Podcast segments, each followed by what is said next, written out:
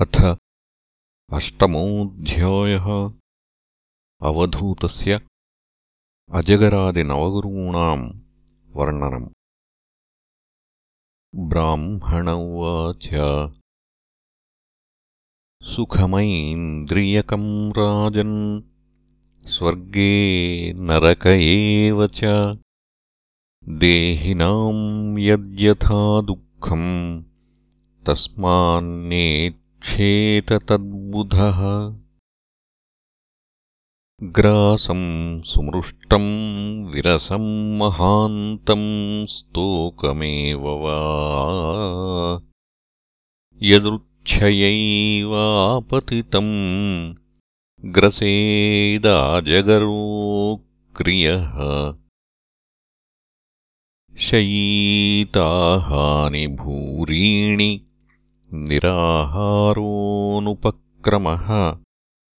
यदि नोपनमेद्ग्रासो महाहिरिव दिष्टभुक्। ओजःसहो बलयुतम् बिभ्रद्देहमकर्मकम्।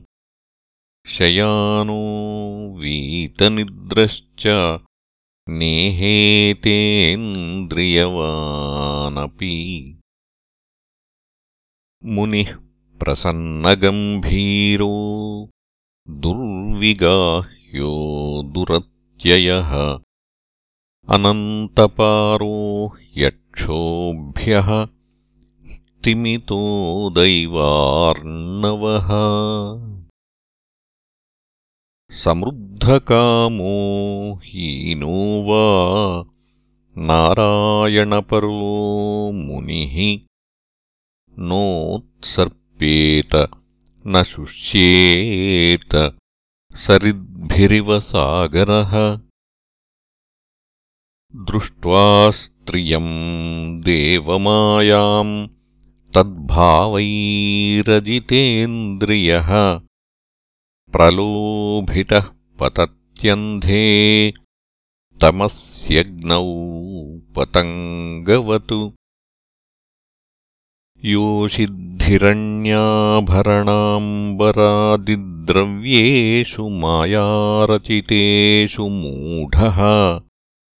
प्रलोभितात्मा ह्युपभोगबुद्ध्या पतङ्गवन्नश्यति नष्टदृष्टिः। स्तोकम् स्तोकम् ग्रसेद्ग्रासम् देहो वर्तेत यावता गृहानहिंसन्नातिष्ठेद्वृत्तिम् माधुकरीम् मुनिः। अणुभ्यश्च महद्भ्यश्च शास्त्रेभ्यः कुशलो नरः सर्वतः सारमादद्यातु पुष्पेभ्य इव षट्पदः। सायन्तनम् श्वस्तनम् वा न सङ्गृह्णीतभिक्षितम् पाणिपात्रोदरामत्रो मक्षिकेव न सङ्ग्रही। सायन्तनम् श्वस्तनम् वा न सङ्गृह्णीतभिक्षुकः। मक्षिका इव सङ्गृह्णन् सह तेन विनश्यति पदापि युवतिम् भिक्षुः न स्पृशेद्दारवीमपि। स्पृशन् करीव बध्येत करिण्या अङ्गसङ्गतः। नाधिगच्छेत् स्त्रियम् प्राज्ञः कर्हि चिन्मृत्युमात्मनः बलाधिकैः स हन्येत गजैरन्यैर्गजो यथा। न देयम् नोपभोग्यम् च लुब्धैर्यद्दुःखसञ्चितम्। भुङ्क्ते तदपि तच्चान्यो मधुहेवार्थविन्मधु सुदुःखोपार्जितैर्द्रव्यैराशासानाम् गृहाशिषः मधुहेवाग्रतो भुङ्क्ते यतिर्वै गृहमेधिनाम्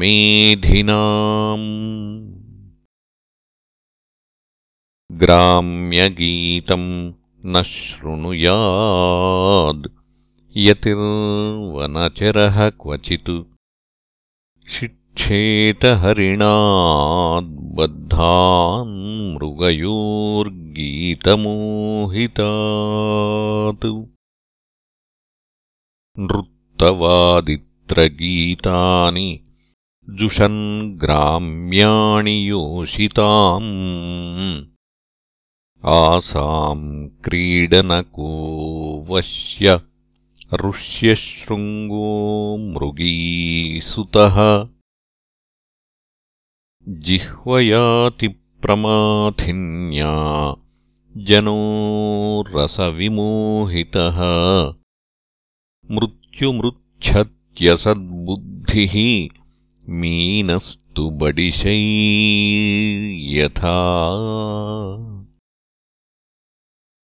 इन्द्रियाणि जयन्त्यासु निराहारामनीषिणः वर्जयित्वा तु रसनम् तन्निरन्नस्य वर्धते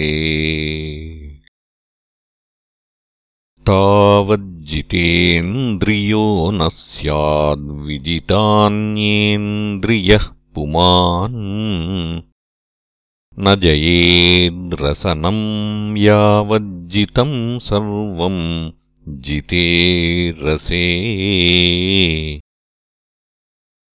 पिङ्गलानामवेश्यासीद्विदेहनगरे पुरा। तस्यामे शिक्षितम् किञ्चिन्निबोध नृपनन्दना सा स्वैरिण्येकदा कान्तम् सङ्केत उपनेष्यति अभूत्काले बहिर्द्वारि बिभ्रतीरूपमुत्तमम् मार्ग आगच्छतो वीक्ष्य पुरुषान् पुरुषर्षभ। तान् शुल्कदान् वित्तवतः कान्तान् मेनेऽर्थकामुका।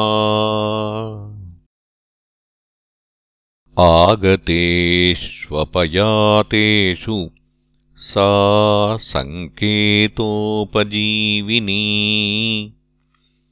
अप्यन्यो वित् तवान् कोऽपि मामुपैष्यति भूरिदः। एवम् दुराशयाध्वस्तनिद्राद्वार्यवलम्बती निर्गच्छन्ती प्रविशती निशीथम् समपद्यत तस्या वित्ताशया शुष्यद्वक्त्राया दीनचेतसः निर्वेदः परमो जज्ञे चिन्ताहेतुः सुखावहः तस्या निर्विण्णचित्ताया गीतम् शृणुयता मम। निर्वेद आशापाशानाम् पुरुषस्य यथा ह्यसिः। न ह्यङ्गाजातनिर्वेदो देहबन्धम् जिहासति। यथा विज्ञानरहितो मनुजो ममताम् नृप। पिङ्गलोवाच अहो मे मोहविततिम् पश्यता विजितात्मनः। या कान्तादसतः कामम् कामये येन बालिशा सन्तम् समीपे रमणम् रतिप्रदम् वित्तप्रदम् नित्यमिमम् विहाय। अकामदम् दुःखभयाधिशोकमोहप्रदम् तुच्छमहम् भजेज्ञा अहो मयात्मा परितापितो वृथा। साङ्केत्यवृत्त्यातिविगर्ह्यवार्तया।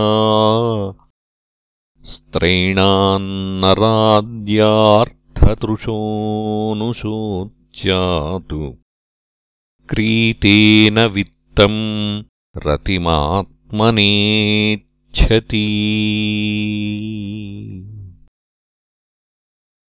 यदस्थिभिर्निर्मितवंशवंश्यस्थूणम् त्वचा लोमनखैः पिनद्धम्।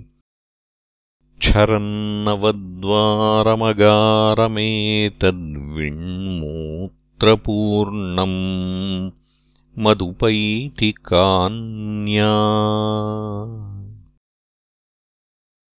विदेहानाम् पुरे ह्यस्मिन्नहमेकैव मूढधीः यान्यमिच्छन्त्यसत्यस्मादात्मदात् काममच्युतात्।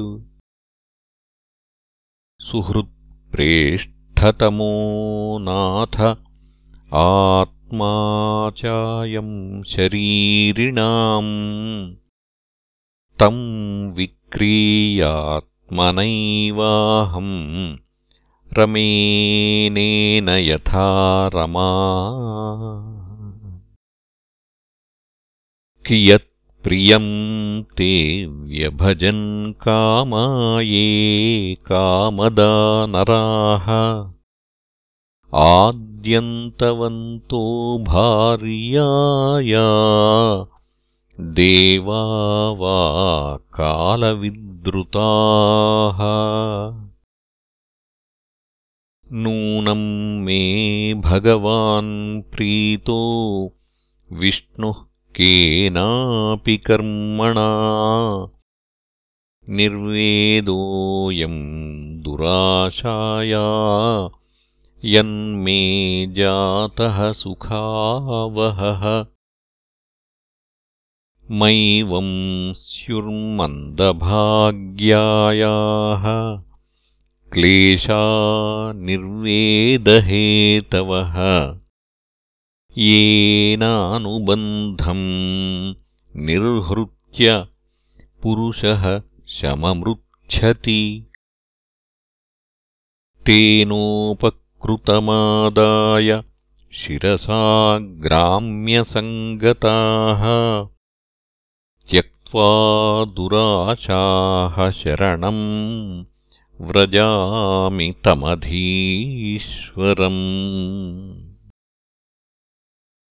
सन्तुष्टा श्रद्दधत्येतत् यथालाभेन जीवती विहराम्यमुनैवाहमात्मना रमणेन वै। संसारकूपे पतितम् विषयैर्मुषिते क्षणम् ग्रस्तम् कालाहिना आत्मानम् कोऽन्यस्त्रातुमधीश्वरः आत्मैव ह्यात्मनो गोप्ता निर्विद्येत यदाखिलात्। अप्रमत्त इदम् पश्येद्ग्रस्तम् कालाहिना जगत्। ब्राह्मण उवाच एवम् व्यवसितमतिर्दुराशाम् कान्ततर्षजाम् छित्त्वोपशममास्थाय शय्यामुपविवेश सा आशाहि परमम् दुःखम् नैराश्यम् परमम् सुखम् यथा सञ्छिद्यकान्ताशाम् सुखम् सुष्वापपिङ्गला। इति श्रीमद्भागवते महापुराणे पारमहंस्याम् संहितायाम् एकादशस्कन्धे अष्टमोऽध्यायः